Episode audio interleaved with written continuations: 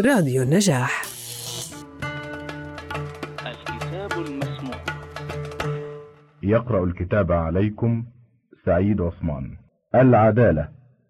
وهي وظيفة دينية تابعة للقضاء ومن مواد تصريفه وحقيقة هذه الوظيفة القيام عن إذن القاضي بالشهادة بين الناس فيما لهم وعليهم تحملا عند الإشهاد وأداء عند التنازع وكتبا في السجلات تحفظ به حقوق الناس وأملاكهم وديونهم وسائر معاملاتهم. وشرط هذه الوظيفة الاتصاف بالعدالة الشرعية والبراءة من الجرح ثم القيام بكتب السجلات والعقود من جهة إحكام شروطها الشرعية وعقودها فيحتاج حينئذ إلى ما يتعلق بذلك من الفقه ولأجل هذه الشروط وما يحتاج إليه من المران على ذلك والممارسة له اختص ذلك ببعض العدول وصار الصنف القائمون به كأنهم مختصون بالعدالة وليس كذلك وإنما العدالة من شروط اختصاصهم بالوظيفة. ويجب على القاضي تصفح أحوالهم والكشف عن سيرهم رعاية لشرط العدالة فيهم وألا يهمل ذلك لما يتعين عليه من حفظ حقوق الناس فالعهدة عليه في ذلك كله وهو ضامن دركه أي ضامن تبعته.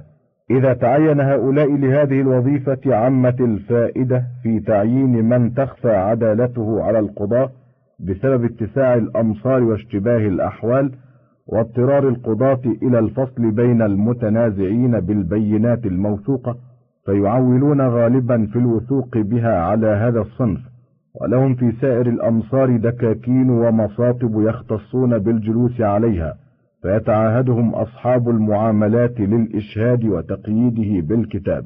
وصار مدلول هذه اللفظة مشتركا بين هذه الوظيفة التي تبين مدلولها وبين العدالة الشرعية التي هي أخت الجرح وقد يتواردان ويفترقان والله تعالى أعلم. الحسبة والسكة. أما الحسبة فهي وظيفة دينية من باب الأمر بالمعروف والنهي عن المنكر الذي هو فرض على القائم بأمور المسلمين. يعين لذلك من يراه أهلا له فيتعين فرضه عليه ويتخذ الأعوان على ذلك ويبحث عن المنكرات ويعزر ويؤدب على قدرها ويحمل الناس على المصالح العامة في المدينة مثل المنع من المضايقة في الطرقات ومنع الحمالين وأهل السفن من الإكثار في الحمل والحكم على أهل المباني المتداعية للسقوط بهدمها وإزالة ما يتوقع من ضررها على السابلة والضرب على أيدي المعلمين في المكاتب وغيرها في الإبلاغ في ضربهم للصبيان المتعلمين. الإبلاغ في ضربهم أي المبالغة فيه بما يفقد العقوبة غايتها. ولا يتوقف حكمه على تنازع أو استعداء بل له النظر والحكم فيما يصل إلى علمه من ذلك ويرفع إليه. وليس له إمضاء الحكم في الدعاوى مطلقا بل فيما يتعلق بالغش والتدليس في المعايش وغيرها في المكاييل والموازين. وله أيضا حمل المماطلين على الإنصاف وأمثال ذلك مما ليس فيه سماع بينة ولا إنفاذ حكم وكأنها أحكام ينزه القاضي عنها لعمومها وسهولة أغراضها فتدفع إلى صاحب هذه الوظيفة ليقوم بها. فوضعها على ذلك أن تكون خادمة لمنصب القضاء. وقد كانت في كثير من الدول الإسلامية مثل العبيديين بمصر والمغرب والأمويين بالأندلس داخلة في عموم ولاية القاضي يولي فيها باختياره. ثم لما انفردت وظيفة السلطان عن الخلافة وصار نظره عاما في أمور السياسة اندرجت في وظائف الملك وأفردت بالولاية. وأما السكة فهي النظر في النقود المتعامل بها بين الناس وحفظها مما يداخلها من الغش أو النقص إن كان يتعامل بها عددا أو ما يتعلق بذلك ويوصل إليه من جميع الاعتبارات. ثم في وضع علامة السلطان على تلك النقود بالاستجادة والخلوص برسم تلك العلامة فيها من خاتم حديد اتخذ لذلك ونقش فيه نقوش خاصة به فيوضع على الدينار بعد أن يقدر ويضرب عليه بالمطرقة حتى ترسم فيه تلك النقوش وتكون علامة على جودته بحسب الغاية التي وقف عندها السبك والتخليص في متعارف أهل القطر ومذاهب الدولة الحاكمة. فإن السبك والتخليص في النقود لا يقف عند غاية وإنما ترجع غايته إلى الاجتهاد. فإذا وقف أهل أفق أو قطر على غاية من التخليص وقفوا عندها وسموها إماما وعيارا يعتبرون به نقودهم وينتقدونها بمماثلته. فإن نقص عن ذلك كان زيفا. والنظر في ذلك كله لصاحب هذه الوظيفة وهي دينية بهذا الاعتبار فتندرج تحت الخلافة وقد كانت تندرج في عموم ولاية القاضي ثم أفردت لهذا العهد كما وقع في الحسبة. هذا آخر الكلام في الوظائف الخلافية وبقيت منها وظائف ذهبت بذهاب ما ينظر فيه وأخرى صارت سلطانية. فوظيفة الإمارة والوزارة والحرب والخراج صارت سلطانية نتكلم عليها في أماكنها بعد وظيفة الجهاد ووظيفة الجهاد بطلت ببطلانه إلا في قليل من الدول يمارسونه ويدرجون أحكامه غالبا في السلطانيات. وكذا نقابة الأنساب التي يتوصل بها إلى الخلافة أو الحق في بيت المال قد بطلت لدثور الخلافة ورسومها وبالجملة قد اندرجت رسوم الخلافة ووظائفها في رسوم الملك والسياسة في سائر الدول لهذا العهد والله مصرف الأمور كيف يشاء. الفصل الثاني والثلاثون في اللقب بأمير المؤمنين وأنه من سمات الخلافة وهو محدث منذ عهد الخلفاء. وذلك أنه لما بويع أبو بكر رضي الله عنه كان الصحابة رضي الله عنهم وسائر المسلمين يسمونه خليفة رسول الله صلى الله عليه وسلم ولم يزل الأمر على ذلك إلى أن هلك. فلما بويع لعمر بعهده إليه كانوا يدعونه خليفة خليفة رسول الله صلى الله عليه وسلم وكأنهم استثقلوا هذا اللقب بكثرته وطول إضافته وأنه يتزايد فيما بعد دائما إلى أن ينتهي إلى الهجنة الهجنة في الكلام ما يعيبه. إلى أن ينتهي إلى الهجنة ويذهب منه التمييز بتعدد الإضافات وكثرتها فلا يعرف فكانوا يعدلون عن هذا اللقب إلى ما سواه مما يناسبه ويدعى به مثله. وكانوا يسمون قواد البعوث باسم الأمير وهو فعيل من الإمارة. وقد كان الجاهلية يدعون النبي صلى الله عليه وسلم أمير مكة وأمير الحجاز وكان الصحابة أيضا يدعون سعد بن أبي وقاص أمير المؤمنين لإمارته على جيش القادسية وهم معظم المسلمين يومئذ.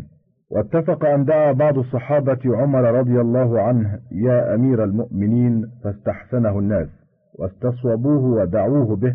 يقال إن أول من دعاه بذلك عبد الله بن جحش. وقيل عمرو بن العاص والمغيرة بن شعبة.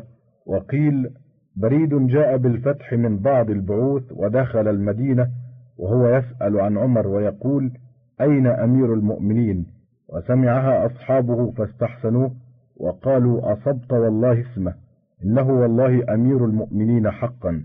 فدعوه بذلك وذهب لقبا له في الناس وتوارثه الخلفاء من بعده سمة لا يشاركهم فيها أحد سواهم سائر دولة بني أمية. ثم إن الشيعة خصوا عليا باسم الإمام نعتا له بالإمامة التي هي أخت الخلافة وتعريضا بمذهبهم في أنه أحق بإمامة الصلاة من أبي بكر لما هو مذهبهم وبدعتهم. فخصوه بهذا اللقب ولمن يسوقون إليه منصب الخلافة من بعده فكانوا كلهم يسمون بالإمام ما داموا يدعون لهم في الخفاء. حتى إذا استولوا على الدولة يحولون اللقب فيما بعده إلى أمير المؤمنين كما فعله شيعة بني العباس فإنهم ما زالوا يدعون أئمتهم بالإمام إلى إبراهيم الذي جهروا بالدعاء له وعقدوا الرايات للحرب على أمره. فلما هلك دعي أخوه السفاح بأمير المؤمنين وكذا الرافضة بأفريقيا فإنهم ما زالوا يدعون أئمتهم من ولد إسماعيل بالإمام حتى انتهى الأمر إلى عبيد الله المهدي وكانوا أيضا يدعونه بالإمام ولابنه أبي القاسم من بعده. فلما استوثق لهم الأمر دعوا من بعدهما بأمير المؤمنين. وكذا الأدارسة بالمغرب كانوا يلقبون إدريس بالإمام وابنه إدريس الأصغر كذلك وهكذا شأنهم. وتوارث الخلفاء هذا اللقب بأمير المؤمنين. وجعلوه سمة لمن يملك الحجاز والشام والعراق والمواطن التي هي ديار العرب ومراكز الدولة وأهل الملة والفتح. وازداد كذلك في عنفوان الدولة وبذخها لقب آخر للخلفاء يتميز به بعضهم عن بعض لما في أمير المؤمنين من الاشتراك بينهم. فاستحدث لذلك بنو العباس حجابا لأسمائهم الأعلام. عن امتهانها في ألسنة السوقة وصونا لها عن الابتذال فتلقبوا بالسفاح والمنصور والمهدي والهادي والرشيد إلى آخر الدولة واقتفى أثرهم في ذلك العبيديون بأفريقية ومصر. وتجافى بنو أمية عن ذلك أما بالمشرق فجريا على الغضارة والسذاجة لأن العروبية ومنازعها لم تفارقهم حينئذ ولم يتحول عنهم شعار البداوة إلى شعار الحضارة. وأما بالأندلس فتقليدا لسلفهم مع ما عملوه من أنفسهم من القصور عن ذلك بالقصور عن الخلافة التي استأثر بها بنو العباس ثم بالعجز عن ملك الحجاز أصل العرب والملة والبعد عن دار الخلافة التي هي مركز العصبية. وأنهم إنما منعوا بإمارة القاصية أنفسهم من مهالك بني العباس حتى إذا جاء عبد الرحمن الآخر منهم وهو الناصر بن الأمير عبد الله محمد بن عبد الرحمن الأوسط لأول المئة الرابعة واشتهر ما نال الخلافة بالمشرق من الحجر واستبداد الموالي وعيثهم في الخلفاء بالعزل والاستبدال والقتل والسمل. السمل هو فقء العين. ذهب عبد الرحمن هذا إلى مثل مذاهب الخلفاء بالمشرق وأفريقيا وتسمى بأمير المؤمنين وتلقب بالناصر لدين الله وأخذت من بعده عادة ومذهب لقن عنه ولم يكن لآبائه وسلف قومه. واستمر الحال على ذلك إلى أن انقرضت عصبية العرب أجمع وذهب رسم الخلافة وتغلب الموالي من العجم على بني العباس والصنائع على العبيديين بالقاهرة وصنهاجة على أمراء أفريقية وزناتة على المغرب وملوك الطوائف بالأندلس على أمر بني أمية واقتسموه وافترق أمر الإسلام فاختلفت مذاهب الملوك بالمغرب والمشرق في الاختصاص بالألقاب بعد أن تسموا جميعا باسم السلطان. فأما ملوك المشرق من العجم فكان الخلفاء يخصونهم بألقاب تشريفية حتى يستشعر منها انقيادهم وطاعتهم وحسن ولايتهم مثل شرف الدولة وعضد الدولة وركن الدولة ومعز الدولة ونصير الدولة ونظام الملك وبهاء الدولة ودخيرة الملك وأمثال هذه. وكان العبيديون أيضا يخصون بها أمراء صنهاجة فلما استبدلوا على الخلافة قنعوا بهذه الألقاب وتجافوا عن ألقاب الخلافة أدبا معها وعدولا عن سماتها المختصة بها شأن المتغلبين المستبدين كما قلنا. ونزع المتأخرون أعاجم المشرق حين قوي استبدادهم على الملك وعلى كعبهم في الدولة والسلطان وتلاشت عصبية الخلافة واضمحلت بالجملة إلى انتحال الألقاب الخاصة بالملك مثل الناصر والمنصور زيادة على ألقاب يختصون بها قبل هذا الانتحال مشعرة بالخروج عن ربقة الولاء والاصطناع بما أضافوا إلى الدين فقط فيقولون صلاح الدين أسد الدين نور الدين. وأما ملوك الطوائف بالأندلس فاقتسموا ألقاب الخلافة وتوزعوها لقوة استبدادهم عليها بما كانوا من قبيلها وعصبيتها فتلقبوا بالناصر والمنصور والمعتمد والمظفر وأمثالها. كما قال ابن أبي شرف ينعى عليهم مما يزهدني في أرض أندلس أسماء معتمد فيها ومعتضد ألقاب مملكة في غير موضعها كالهر يحكي انتفاخا صورة الأسد. وأما صنهاجة فاقتصروا عن الألقاب التي كان الخلفاء العبيديون يلقبون بها للتنويه مثل نصير الدولة ومعز الدولة. واتصل لهم ذلك لما أدالوا من دعوة العبيديين بدعوة العباسيين ثم بعدت الشقة بينهم وبين الخلافة ونسوا عهدها فنسوا هذه الألقاب واقتصروا على اسم السلطان. وكذا شأن ملوك مغراوة بالمغرب لم ينتحلوا شيئا من هذه الألقاب إلا اسم السلطان جريا على مذاهب البداوة والغضاضة.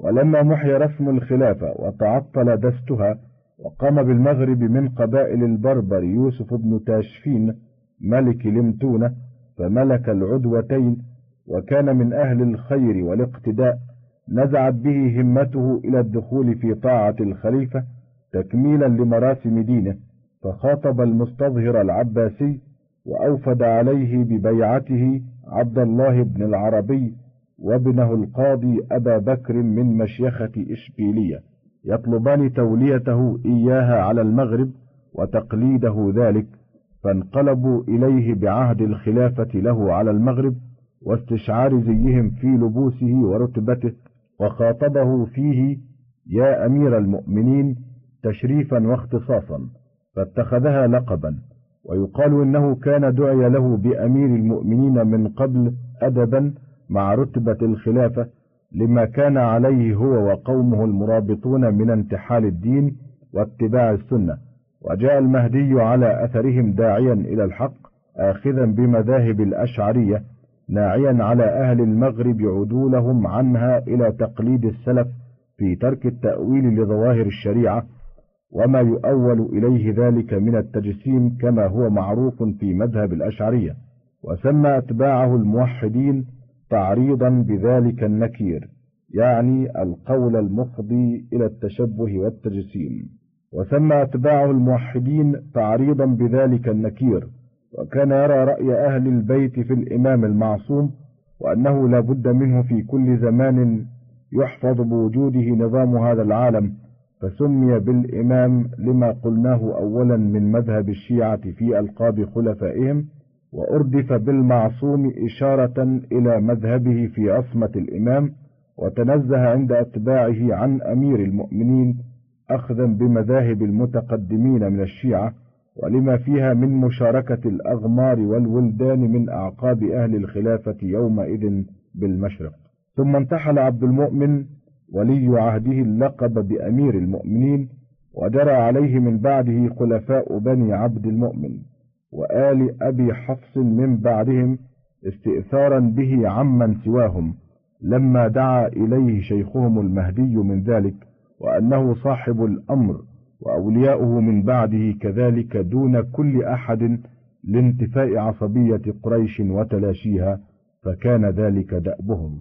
ولما انتقض الأمر بالمغرب وانتزعه زناته ذهب أولهم مذاهب البداوة والسذاجة وأتباع لمتونة في انتحال اللقب بأمير المؤمنين أدبا مع رتبة الخلافة التي كانوا على طاعتها لبني عبد المؤمن أولا ولبني أبي حفص من بعدهم. ثم نزع المتأخرون منهم إلى اللقب بأمير المؤمنين وانتحلوه لهذا العهد استبلاغا في منازع الملك وتتميما لمذاهبه وسماته والله غالب على أمره. الفصل الثالث والثلاثون في شرح اسم البابا والبطرك في الملة النصرانية واسم الكوهن عند اليهود. اعلم أن الملة لا بد لها من قائم عند غيبة النبي يحملهم على أحكامها وشرائعها ويكون كالخليفة فيهم للنبي فيما جاء به من التكاليف. والنوع الإنساني أيضا بما تقدم من ضرورة السياسة فيهم للإجتماع البشري لابد لهم من شخص يحملهم على مصالحهم ويزعهم عن مفاسدهم بالقهر وهو المسمى بالملك. والملة الإسلامية لما كان الجهاد فيها مشروعا لعموم الدعوة وحمل الكافة على دين الإسلام طوعا أو كرها اتحدت فيها الخلافة والملك لتوجه الشوكة من القائمين بها إليهما معا. وأما ما سوى الملة الإسلامية فلم تكن دعوتهم عامة ولا الجهاد عندهم مشروعا إلا في المدافعة فقط فصار القائم بأمر الدين فيها لا يعنيه شيء من سياسة الملك وإنما وقع الملك لمن وقع منهم بالعرض ولأمر غير ديني وهو ما اقتضته لهم العصبية لما فيها من الطلب للملك بالطبع لما قدمناه لأنهم غير مكلفين بالتغلب على الأمم كما في الملة الإسلامية وإنما هم مطلوبون بإقامة دينهم في خاصتهم. ولذلك بقي بنو إسرائيل من بعد موسى ويوشع صلوات الله عليهما نحو أربعمائة سنة لا يعتنون بشيء من أمر الملك إنما همهم إقامة دينهم فقط. وكان القائم به بينهم يسمى الكوهن كأنه خليفة موسى صلوات الله عليه يقيم لهم أمر الصلاة والقربان ويشترطون فيه أن يكون من ذرية هارون صلوات الله عليه لأن موسى لم يعقب. ثم اختاروا لإقامة السياسة التي هي للبشر بالطبع سبعين شيخا كانوا يتلون أحكامهم العامة والكوهن أعظم منهم رتبة في الدين وأبعد عن شغب الأحكام. واتصل ذلك فيهم إلى أن استحكمت طبيعة العصبية. وتمحضت الشوكة للملك فغلبوا الكنعانيين على الأرض التي أورثهم الله بيت المقدس وما جاورها كما بين لهم على لسان موسى صلوات الله عليه فحاربتهم أمم الفلسطين والكنعانيين والأرمن وأردن وعمان ومأرب ورئاستهم في ذلك راجعة إلى شيوخهم وأقاموا على ذلك نحوا من أربعمائة سنة ولم تكن بهم صولة الملك.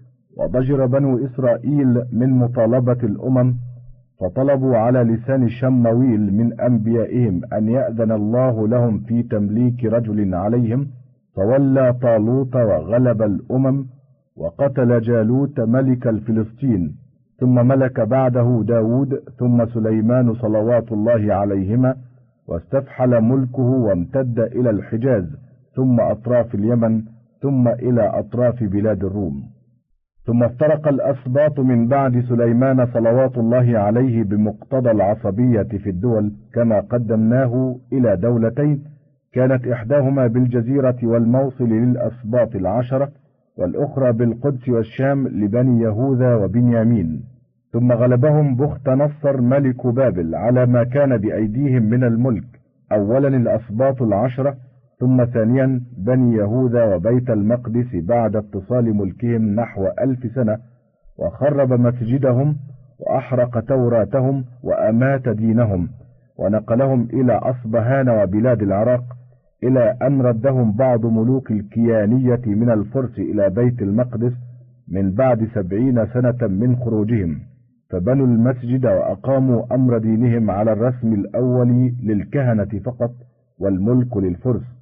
ثم غلب الإسكندر وبنو يونان على الفرس وصار اليهود في ملكتهم ثم فشل أمر اليونانيين فاعتز اليهود عليهم بالعصبية الطبيعية ودفعوهم عن الاستيلاء عليهم وقام بملكهم الكهنة الذين كانوا فيهم من بني حشمناي وقاتلوا يونان حتى انقرض أمرهم وغلبهم الروم فصاروا تحت أمرهم ثم رجعوا إلى بيت المقدس وفيها بنو هيرودس أصهار بني حشمناي وبقيت دولتهم فحاصروهم مدة ثم افتتحوها عنوة وأفحشوا في القتل والهدم والتحريق وخربوا بيت المقدس وأجلوهم عنها إلى رومة وما وراءها وهو الخراب الثاني للمسجد ويسميه اليهود بالجلوة الكبرى فلم يقم لهم بعدها ملك لفقدان العصبية منهم وبقوا بعد ذلك في ملكة الروم من بعدهم يقيم لهم أمر دينهم الرئيس عليهم المسمى بالكوهن.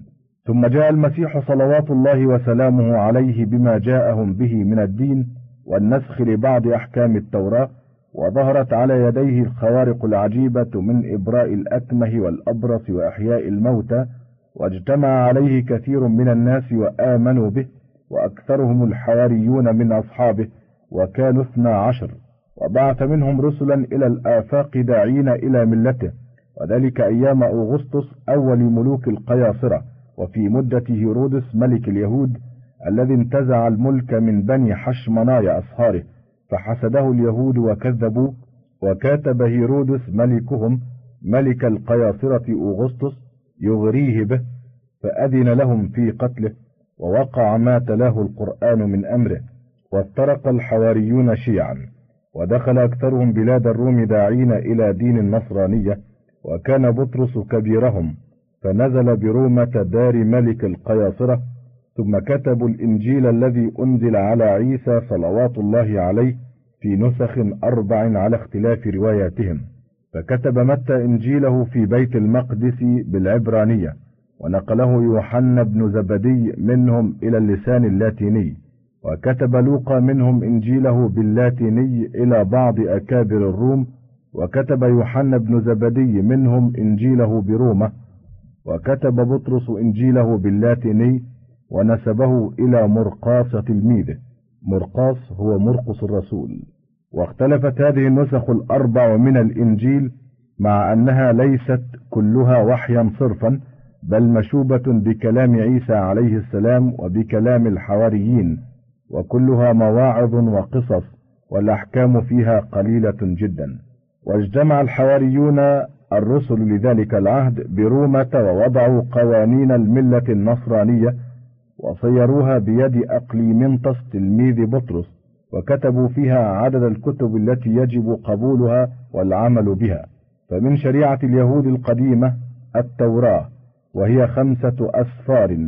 وكتاب يوشع وكتاب القضاة وكتاب راعوث وكتاب يهوذا وأسفار الملوك أربعة وسفر بنيامين وكتب المقابيين لابن كريون ثلاثة وكتاب عزر الإمام وكتاب أوشير وقصة هامان وكتاب أيوب الصديق ومزامير داود عليه السلام وكتب ابنه سليمان عليه السلام خمسة ونبوءات الأنبياء الكبار والصغار ستة عشر وكتاب يشوع بن شارخ وزير سليمان.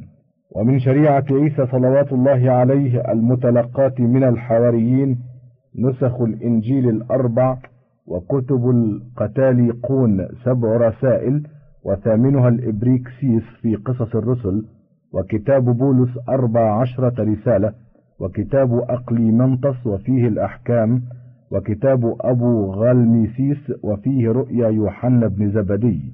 واختلف شأن القياصرة في الأخذ بهذه الشريعة تارة وتعظيم أهلها ثم تركها أخرى والتسلط عليهم بالقتل والبغي إلى أن جاء قسطنطين وأخذ بها واستمروا عليها.